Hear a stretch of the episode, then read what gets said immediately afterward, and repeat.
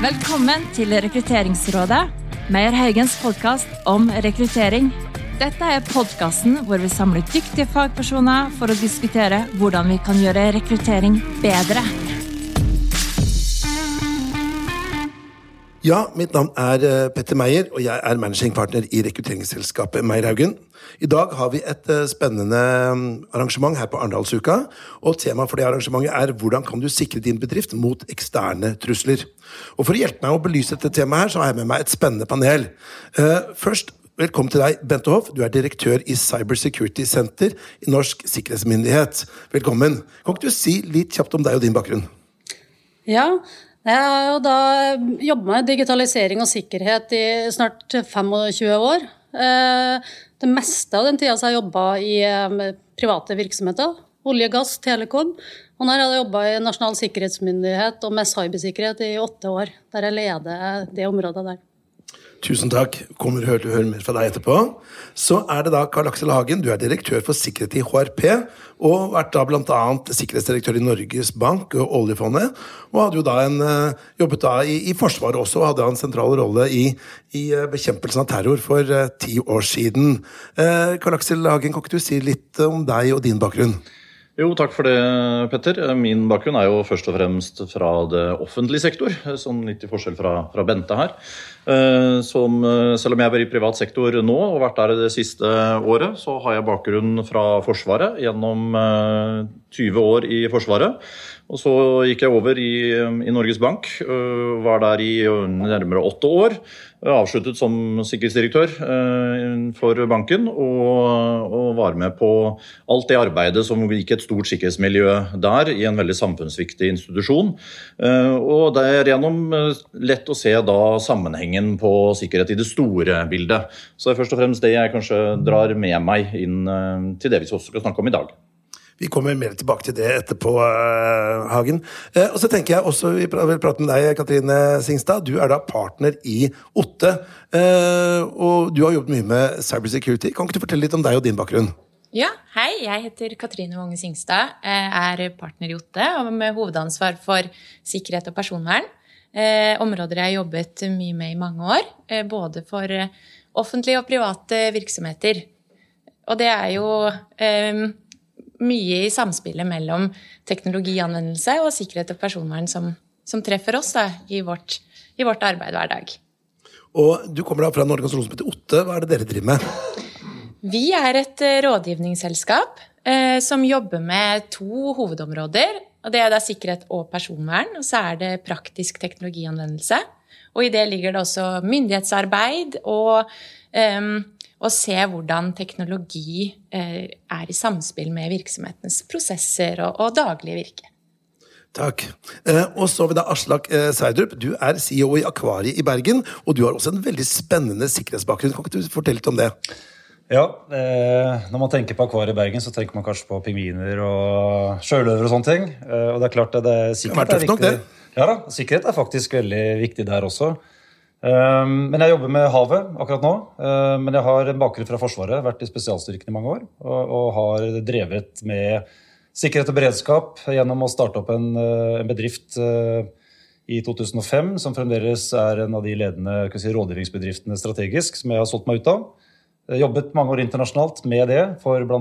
Utenriksdepartementet, store norske selskaper i ja, Afrika, Midtøsten eh, og mest i Norge på rådgivningssiden. Bygging av beredskapsplaner, eh, evakueringsplaner og eh, mye på fysisk sikkerhet også. Ja. Takk, og Vi skal komme mer tilbake til det. Men Jeg tenkte, jeg har lyst til å begynne med deg, eh, Karl Aksel Hagen. Hva er trusselbildet for norske organisasjoner i dag? Ja, Trusselbildet i Norge er jo under stadig utvikling. Og ikke minst så, så er det slik at det er ganske komplekst å forholde seg til. Eh, vi som jobber med sikkerhet i daglig og rådgir både store private og offentlige aktører på, på sikkerhet, selv vi uh, har utfordringer med å henge med i det stadig utviklende trusselbildet. Så vil jeg si at det, er, det blir bedre i Norge, og vi begynner å bli litt flinkere til å ta inn over oss at vi er en del av verden, uh, og at vi ikke lenger er på en liten øy for oss selv, hvor vi kan stikke hodet i sanden og, og si at vi trenger ikke forholde oss til sikkerhet. Det er noe Vi har folk til slikt, er vel et godt begrep på det. Og vi ser at kanskje spesielt at det er blitt litt forbilde i Norge ved at vi åpner opp også informasjonen. Og med det så vil jeg si at f.eks. det at Nasjonal sikkerhetsmyndighet, Etterretningstjenesten og Politiets sikkerhetstjeneste nå utgir åpne trusselvurderinger. De har også en lukket en som er mer detaljert, men det gjør at samfunnet kan ta dette mye mer inn over seg og være bedre forberedt. Og så er spørsmålet selvfølgelig om vi er det. Uh, og Vi ser at trusselbildet er veldig sammensatt. Uh, kanskje det begrepet som, uh, som, er mest i vinden for tiden, er jo de, akkurat de sammensatte truslene, eller hybride truslene. Og Hvis vi ikke ser på dette på et statsnivå, med virkemidler fra stater, men ser det også på private selskaper, så ser vi det at vi er nødt til å ha kontroll på sikkerheten i alle ledd. Og Med det så, så mener jeg at det nytter ikke å ha enormt bra fysisk sikkerhet hvis datanettverket ditt er pip åpent. Det hjelper ikke å ha verdens beste cybersikkerhet heller, hvis hvem som helst kan bare gå inn i serverrommet ditt eh, og starte der. Så Vi må se på dette her i sammenheng. og For norske virksomheter så er jo industrispionasje selvfølgelig en, eh, en viktig faktor, som er stadig økende.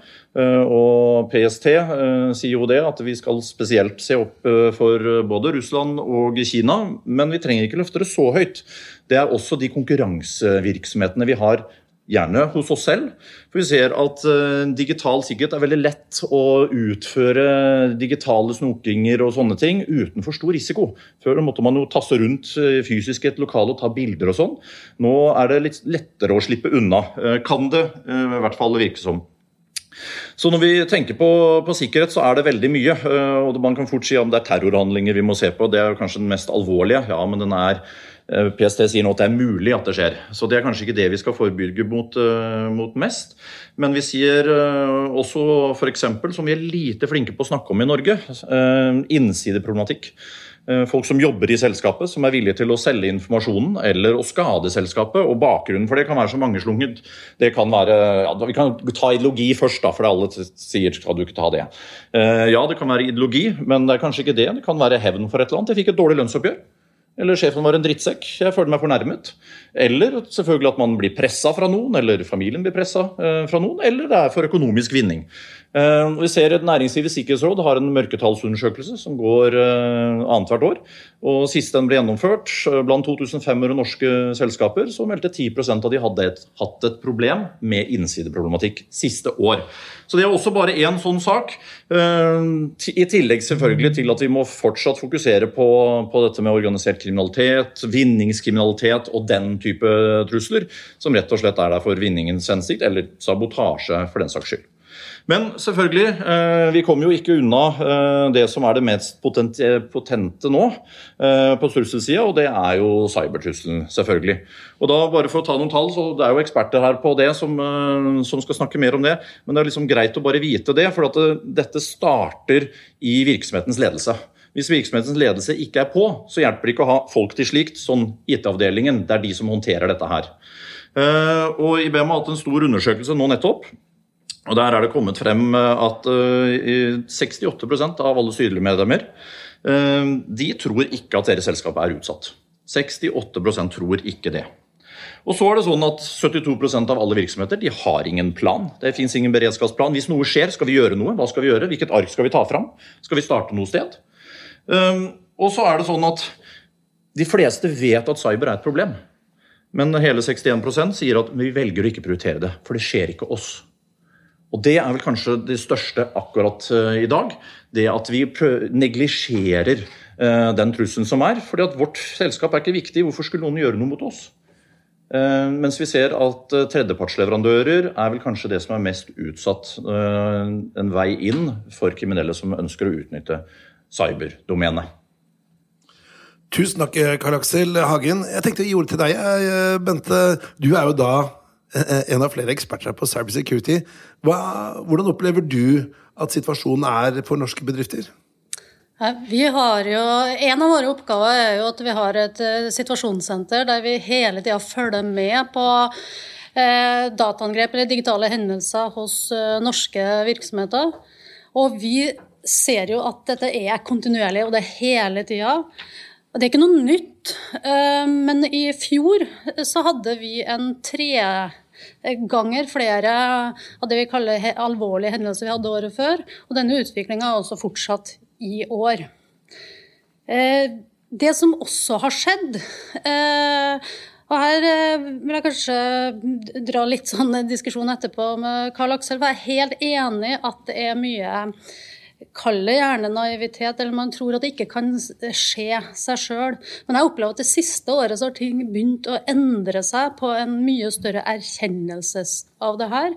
For vi har hatt en del kjente saker som gjør at også ledelse tar det mer innover seg. Ikke minst har vi jo en voldsom økning i det med løsepengevirus, altså nedlåsing av systemer.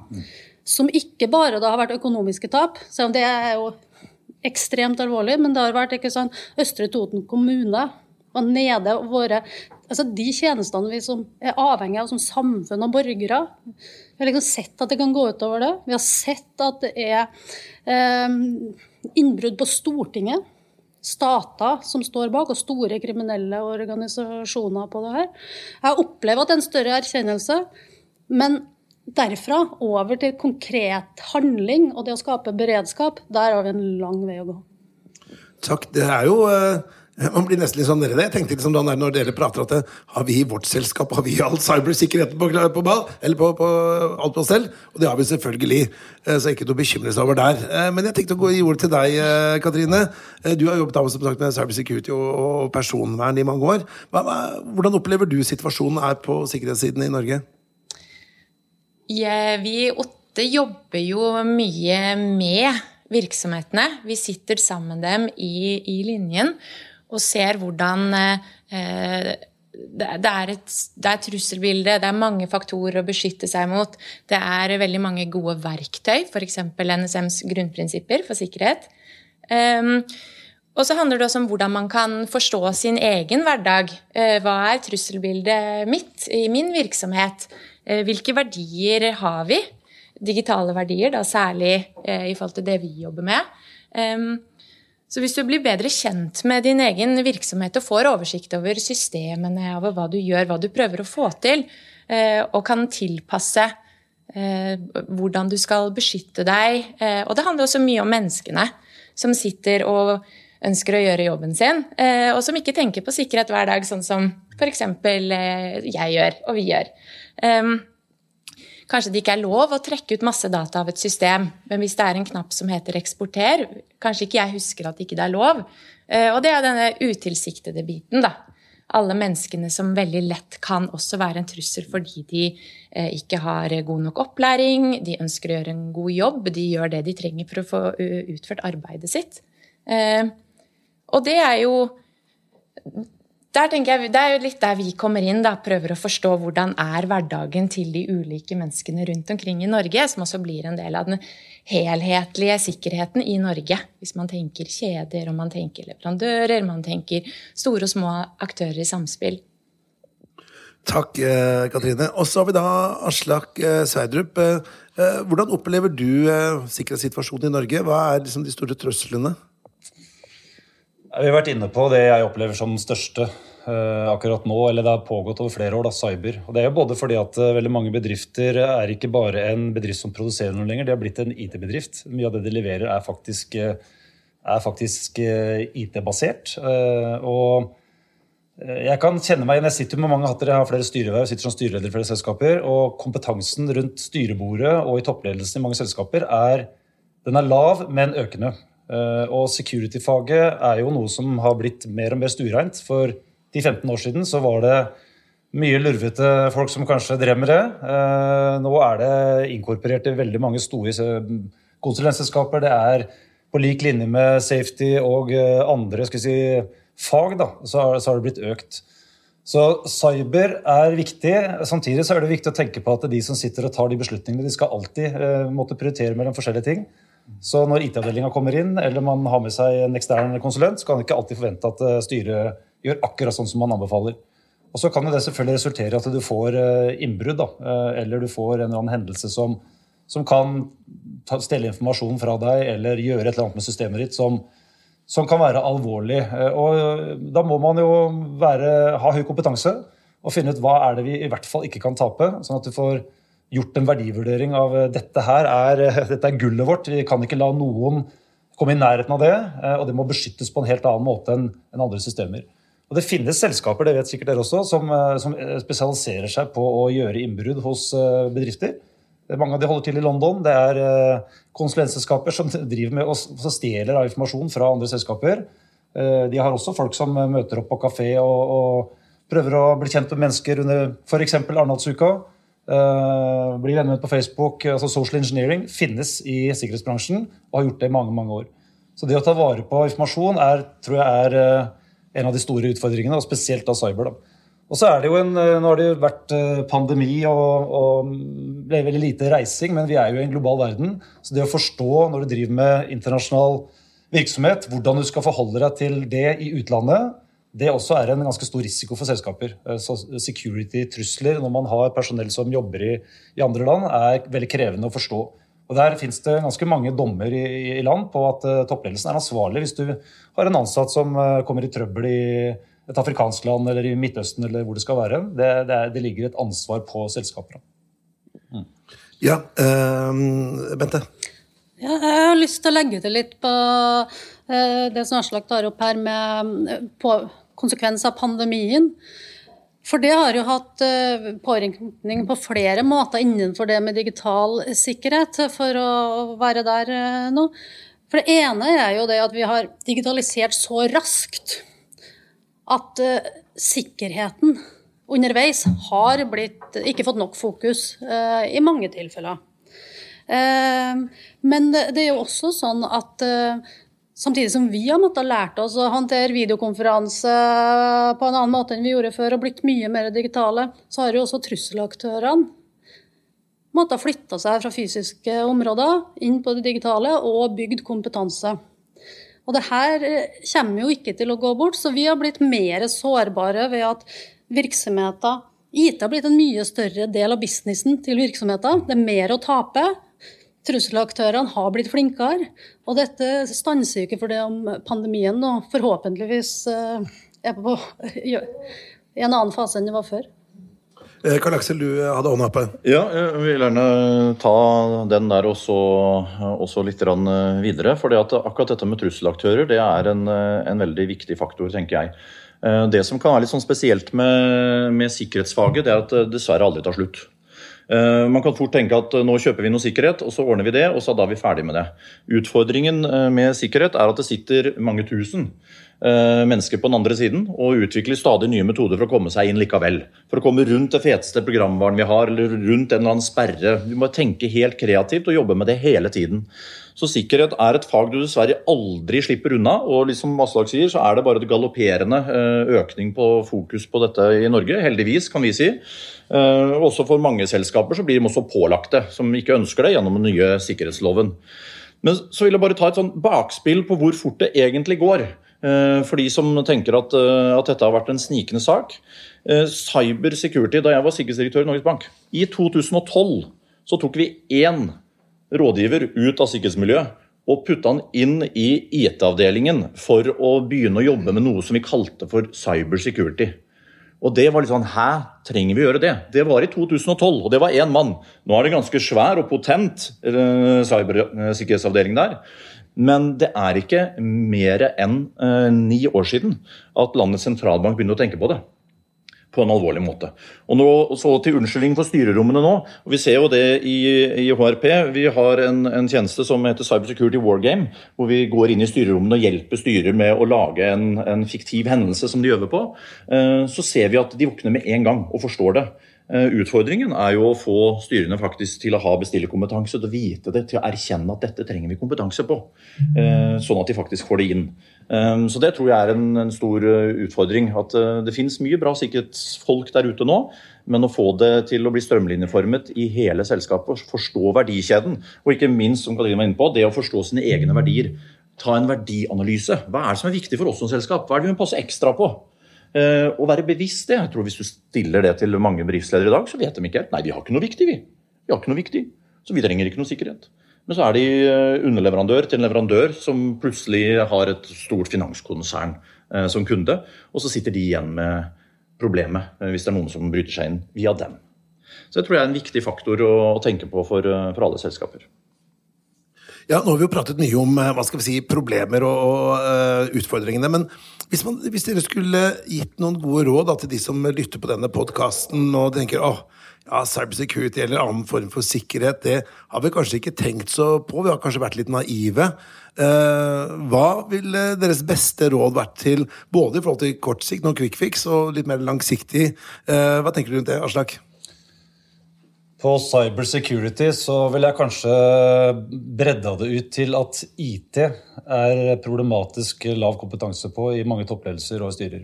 Det, det, er en erkjennelse som jeg har sett mange ganger. Eh, blikket flakker når man får inn IT-direktøren og han foreslår et eller annet eh, smart. Eh, og det henger sammen med også trusselbildet. Så kompetanseøkning, kanskje en restrukturering av ledelse. For meg er det alltid viktig at ansvaret for fagene ikke ligger hos en enkeltperson som er faglig ansvarlig nedi organisasjonen. Det funker ikke. Det må være en linjeansvar. Og, og, sikkerhet er et linjeansvar på safety, HMS og sånne ting. Det er også det på security. Du kan ikke ditche det ned til en Eh, til en enten ekstern konsulent eller en intern eh, leder og si at dette er på en måte eh, vår løsning. Så jeg ville ha tenkt på det som en integrert del av strategien og det man drev med. Og så ville jeg ha økt kompetansen og gjerne sånne ting som Karl Aksel snakker om her. At du wargamer eller lager forskjellige scenarioer som du leker deg gjennom og diskuterer. Det øker ofte kompetansen i ledelsen. Og så tror jeg at uh, utviklingen kommer til å fortsette med at bedrifter uh, selger mer og mer IT istedenfor kanskje faste ting. Se på bankene. Det har blitt en helt annen type virksomhet enn før.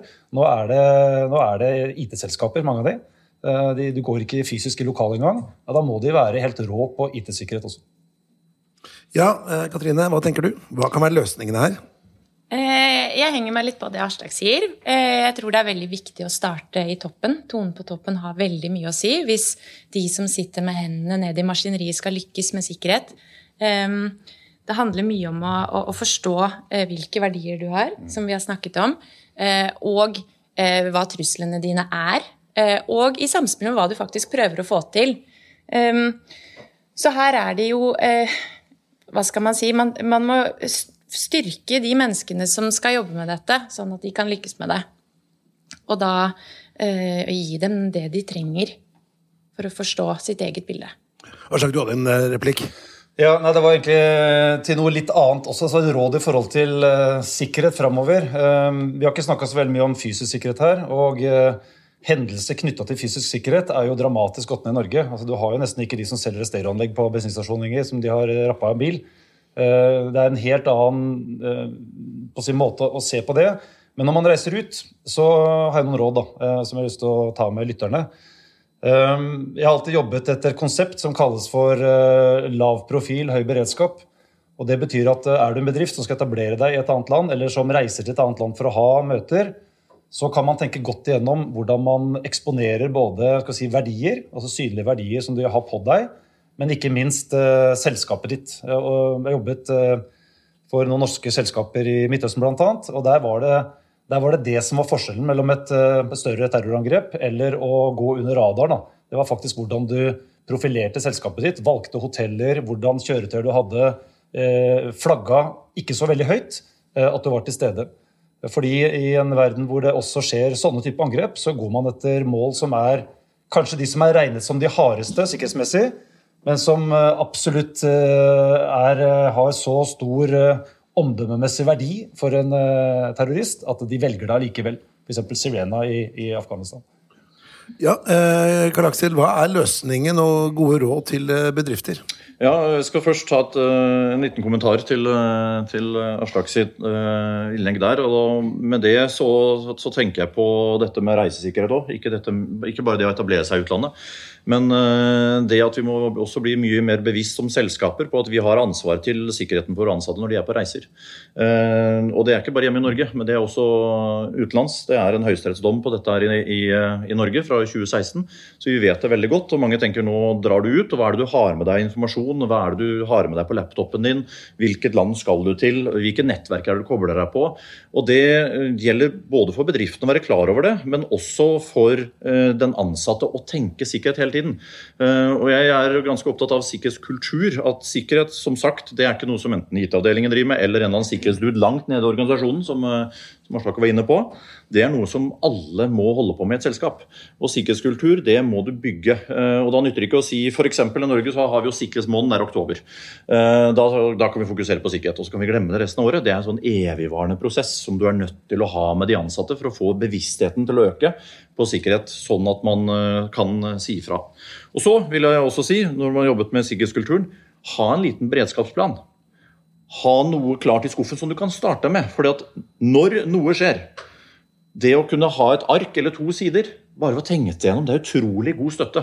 Jeg har sittet og ledet krisestaben i Norges Bank, og gudskjelov, selv med masse sikkerhetsfolk rundt, kunne dra fram et ark da pandemien startet som vi lagde to år før, som jeg skal innrømme jeg kanskje syntes var litt tullete at vi skulle bruke ressurser på, for pandemi kom jo aldri. Men det var utrolig flott å ha det arket og starte der. Så ha en, en beredskapsplan. Hva, hva gjør du? Eh, om det skulle være en cyberhendelse eller en fysisk hendelse, eller hva det skal være. Og så, eh, ikke minst også, eh, vi må ikke gå i den fallgruben og tenke på at fysisk sikkerhet og cybersikkerhet det er to helt forskjellige ting. Så det må vi bare holde unna hverandre. Vi må se totale bildet, for det gjør dessverre de som er utenfor oss, hvis vi skal ha kontroll på verdikjeden vår. Takk. Da er det en replikk fra Katrine, og så går ordet over, over, over, til Bente etterpå. Jeg er veldig enig med deg, Karl Aksel. Du må ha den planen. Du må ha beredskap og kontinuitetsplaner. Eh, og de planene, de må man øve på. Fordi når du tar frem denne planen idet det koker, alle, alle løper rundt som hodeløse høns, da er det veldig fint å ha øvd. Så øv. Eh, hva gjør du når uhellet er ute? Hvilke type uhell kan skje? Eller kriser eller angrep? Eh, og hvordan, hvem gjør hva?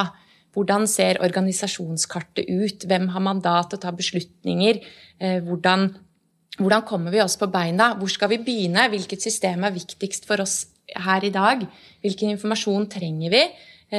Og hvis alt er låst, IT-avdelingen kan kanskje ikke åpne 15 systemer samtidig. Hvor skal vi begynne?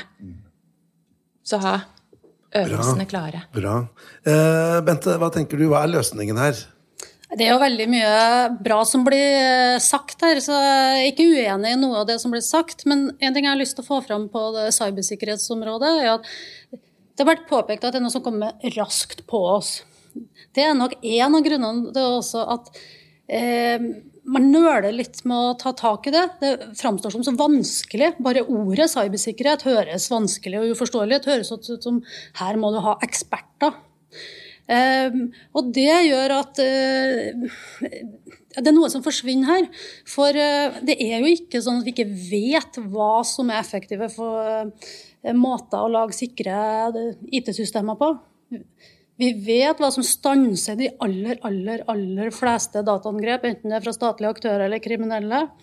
Det har jo vi eh, materialisert i disse NSMs grunnprinsipper som er gitt. Det betyr ikke at det er lett å implementere det. Det kan være krevende f.eks. å klare å ha opp Eh, sikkerhetsoppdaterte systemer, så kan det at du først må modernisere hele porteføljen din. Sånn at Det betyr ikke at det verken er lett eller billig, men vi vet hva som skal til. Så jeg er opptatt av at vi ikke går oss vill og tenker at vi ikke kjenner botemidlene, for det gjør vi. Men Er det noen ganger sånn at det, at det beste kan bli den godes fiende? At man da tenker at å, dette her er uforståelig, da må man hyre inn noen konsulenter. Og det kan, kan jo selvfølgelig være fornuftig nok, og det er jo store kostnader. Men er det sånn at man litt er bedre enn ingenting. Er det ikke sånn som å Det jeg hørte jeg et eksempel en gang, at det er at hvis du skal løpe fra en bjørn, så må du ikke nødvendigvis være raskest, men du kan ikke være treigest. At de går for de som er de, eh, de eh, Hva skal jeg si De letteste ofrene. Ja, det, det, dreier, det, dreier, seg jo om Med mindre du er utpekt mål av trusselaktørene, så kan det dreie seg om å ha en motstandsdyktighet, sånn at de går videre. Og så er det jo noe med alt eh, Jeg syns vi skal tenke på cybersikkerhet som med andre risikoområder, f.eks. innen trafikk eller helse. Der vet vi jo at det er mye som skal til, og, og vi vet at det her må vi tenke på ved enhver beslutning vi tar. Bare tenk på det, trafikksikkerhet. vi tenker på det, Bare vi går ut døra her, så tenker vi på det. Mm. Det å få det så innarbeida i tankesettet at det alltid er med, det er dit vi må. Men området er så nytt at vi er ikke der ennå. Der har vi den sikkerhetskulturen som Karl Aksel snakker om. Jeg tenkte å bare bringe et, litt uh, nytt tema her. Det er at uh, Vi er jo et rekrutteringsselskap, Meierhaugen, og vi rekrutterer mye sikkerhetsfolk både på cyber og fysisk og til mange bedrifter. Og, vi opplever at veldig mange bedrifter sliter med å få tak i flinke folk på sikkerhetssiden. Kanskje spesielt på cyber security. Uh, hva er bakgrunnen for det, tror dere? Jobber og Bente. jeg, skal jeg, kan, jeg, jeg, kan eh, driste meg til å prøve å svare på det. og jeg tror at Det er selvfølgelig ganske sammensatt. Eh, men det at dette feltet har vokst så eksplosivt fort eh, Som jeg sa, så begynte vi den gangen å snakke om dette bare for ni år siden. I en stor statlig utsatt virksomhet. Så det at feltet har ekspandert så voldsomt fort uten at vi har klart å henge med og få nok utdanningsplasser og nok fokus på det, det gjør at vi sitter i den situasjonen vi er i nå. Eh, og så tror jeg det kombinert med en, en fellesdel så vi tilbake til en veldig bra ord som, eh, som, Bente brukte helt i begynnelsen her. Og hvordan skal vi løse eh, utfordringen med fokus på sikkerhet og også få mer utdanning osv. Og, så og det tror jeg er ett ord, og det er åpenhet. Vi må tørre å fortelle om det. Det var prisverdig av Veritas å gå ut og si at de hadde hatt et innsidetrussel som leverte ut informasjon i forfjor. Det er prisverdig at Østre Toten faktisk legger ting på blokka og sier ja, i morgen så har våre ansatte penn og papir, men de skal i hvert fall møte på jobb. At vi som befolkning får vite det. At vi får se på helseskandalene. Det gjør at vi snakker om det, og da blir vi mer bevisst. Og da kanskje vi får også flere utdanningsplasser på det, som gjør at vi i framtiden etter hvert kan få litt bedre dekning eh, for, eh, for, de ekspertene som alle knives om akkurat nå. Ja, flere gode råd til bedrifter som skal rekruttere flinke folk på sikkerhet.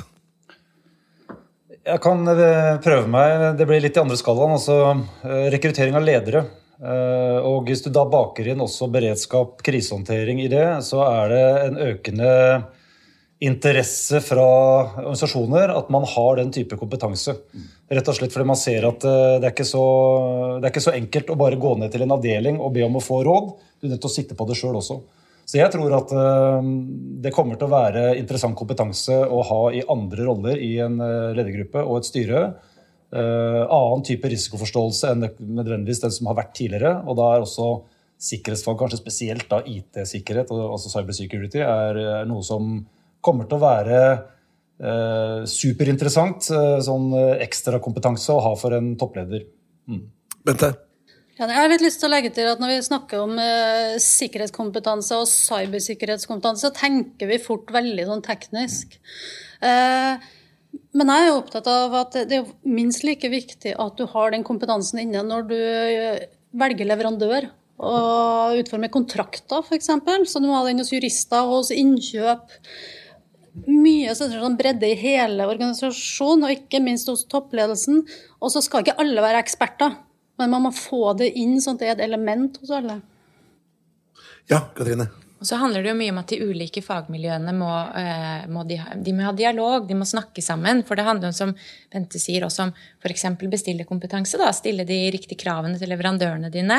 Og så handler det også om å for forstå det nye personvernregelverket, og også det, det gamle. Eh, hva er de registrertes rettigheter? Hvilke plikter har vi? Hvordan, hvilke krav stiller det til sikkerhet? Du har fysisk sikkerhet, beredskap. Eh, du har eh, prosessene i virksomheten generelt, og teknologi er jo nå, eh, og har vært lenge, et verktøy for å gjøre det eh, virksomheten driver med. Det er ikke, noe, det er ikke en selvstendig, isolert eh, et område eller en ting.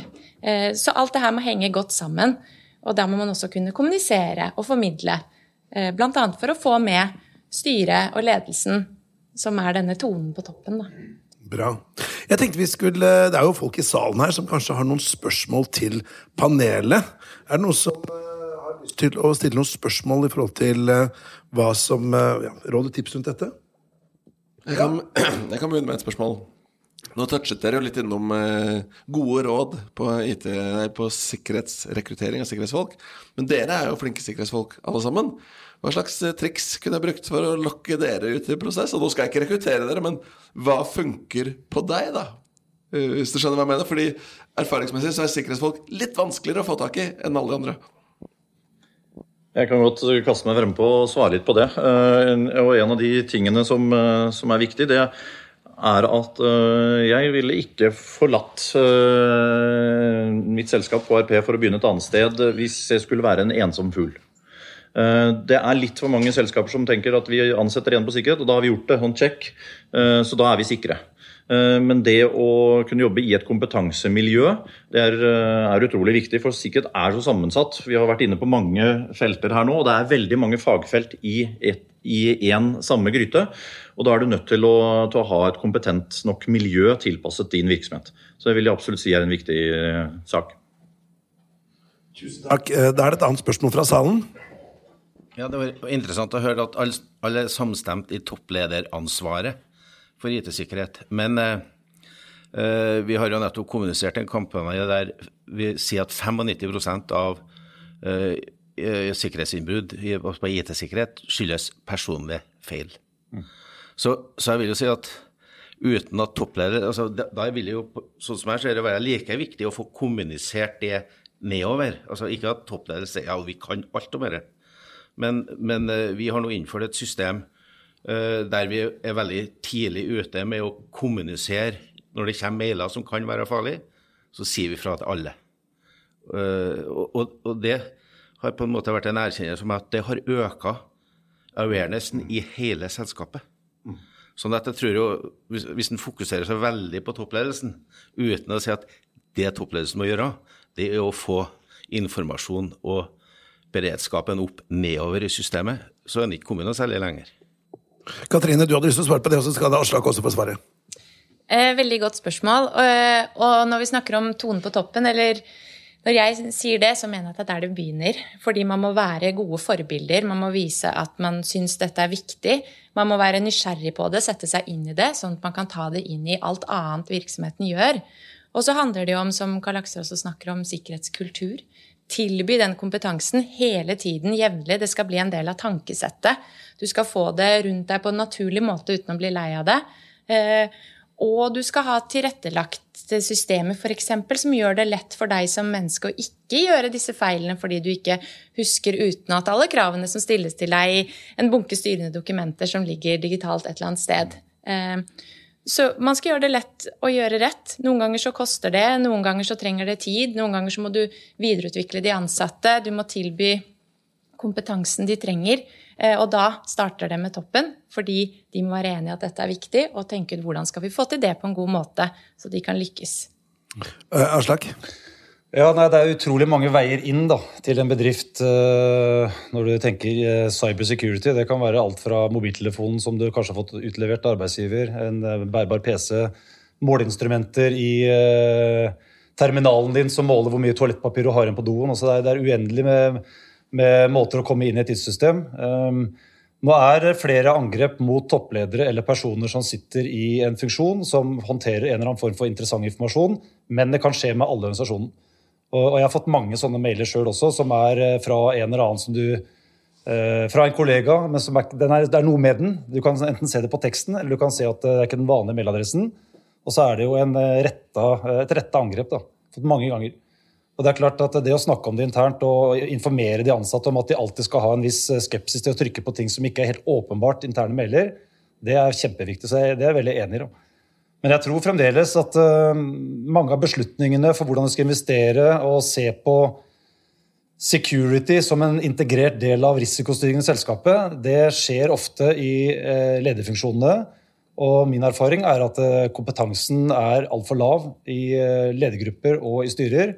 Så jeg mener det er en ekstremt viktig sak. Da. Men det betyr ikke at du skal la være å snakke om det internt og informere medarbeiderne. Selvfølgelig skal man det. Ja, for, for, å kunne forankre det, så er det utrolig viktig å ha med seg ledelsen. Uh, og litt sånn som spørsmålsstilleren er inne på akkurat her. Dette med å, å, kunne varsle de ansatte og derigjennom øke awarenessen eller øke sikkerhetskulturen i selskapet, det er en god måte å gjøre det på. Hvis du har en toppleder ja, som sier 'jeg vil ikke at noen roper ulv, ulv til mine ansatte', fordi man fort blir beskyldt for det i sikkerhetsbransjen. Det skjedde jo ingenting. Eh, og det vi klarer å avverge, det har jo heller ikke skjedd. Så det skjer jo aldri noe. Så jeg vil ikke, og det starter der med at jeg vil ikke at noen skal gjøre det til meg, i mitt selskap så skal vi ikke drive sånn, da har vi allerede tapt. Så det å få det forankret ordentlig på toppen der, det er utrolig viktig. Og så ikke la det gå så fort hele tiden, og, og være klar over at det kommer til å skje ting. Og da må man også bygge en kultur som gjør at man tør å si ifra. Og jeg jobber med sikkerhet hver eneste dag. Det har jeg gjort i hele, liv, i hele mitt liv. Eh, og i mai så fikk jeg, jeg har en ganske energisk CEO i selskapet mitt. Så fikk jeg en tekstmelding fra han. Kan du stikke ut og fikse ting? Og det har vært andre ting. Jeg har vært ute og kjøpt aviser fordi han har vært i avisa og sånne ting. Og da var det kjøpe gavekort. Og jeg svarte på tekstmeldingen. Ja, ja, det kan jeg fikse. Og da kom det med en gang sånn Ja, bare følg denne linken her, for da kjøper jeg elektronisk. Da var da først jeg reagerte på at hm, skal jeg sjekke om dette faktisk er min CEO som er bak her? Og det var det jo ikke. Eh, når vi tok det enkle trikset ikke sant, å holde over mailadressen, eh, hvor det da står Å nei, det var ikke min sjef som lå bak den mailadressen. Eh, så selv jeg går i sånne feller. Og da må vi også ha en kultur hvor ansatte tør å si fra om det. Sånn at vi kan lære av hverandre. Uten at vi stikker under en stol eller får en kultur hvor det er liksom fryktbasert, for jeg dummet meg ut. Så vi må tørre å dele. Så da er vi igjen tilbake på åpenhet. Hele tiden. Internt i selskapene, internt i samfunnet og mellom myndighetene og de private næringsliv. Mm. Bra. Jeg tenkte vi skulle gå inn for landing da, ja. men tusen hjertelig takk til dere som satt i panelet. Eh, takk til deg, eh, Bente Hoff. Takk til deg, Karl Aksel Hagen, Aslak Sveidrup og Katrine Singstad. Og til dere som lyttet, så er det jo eh, mange gode råd og tips her i forhold til hvordan man kan behandle Eh, bedriften sin og gjøre den mer sikker. Eh, hvis dere har noe dere lurer på, så kan dere også kontakte disse personene som har vært i panelet. Dere finner helt sikkert kontaktinformasjonen deres på deres hjemmesider. Men tusen takk til dere i panelet, og tusen takk til dere som lyttet.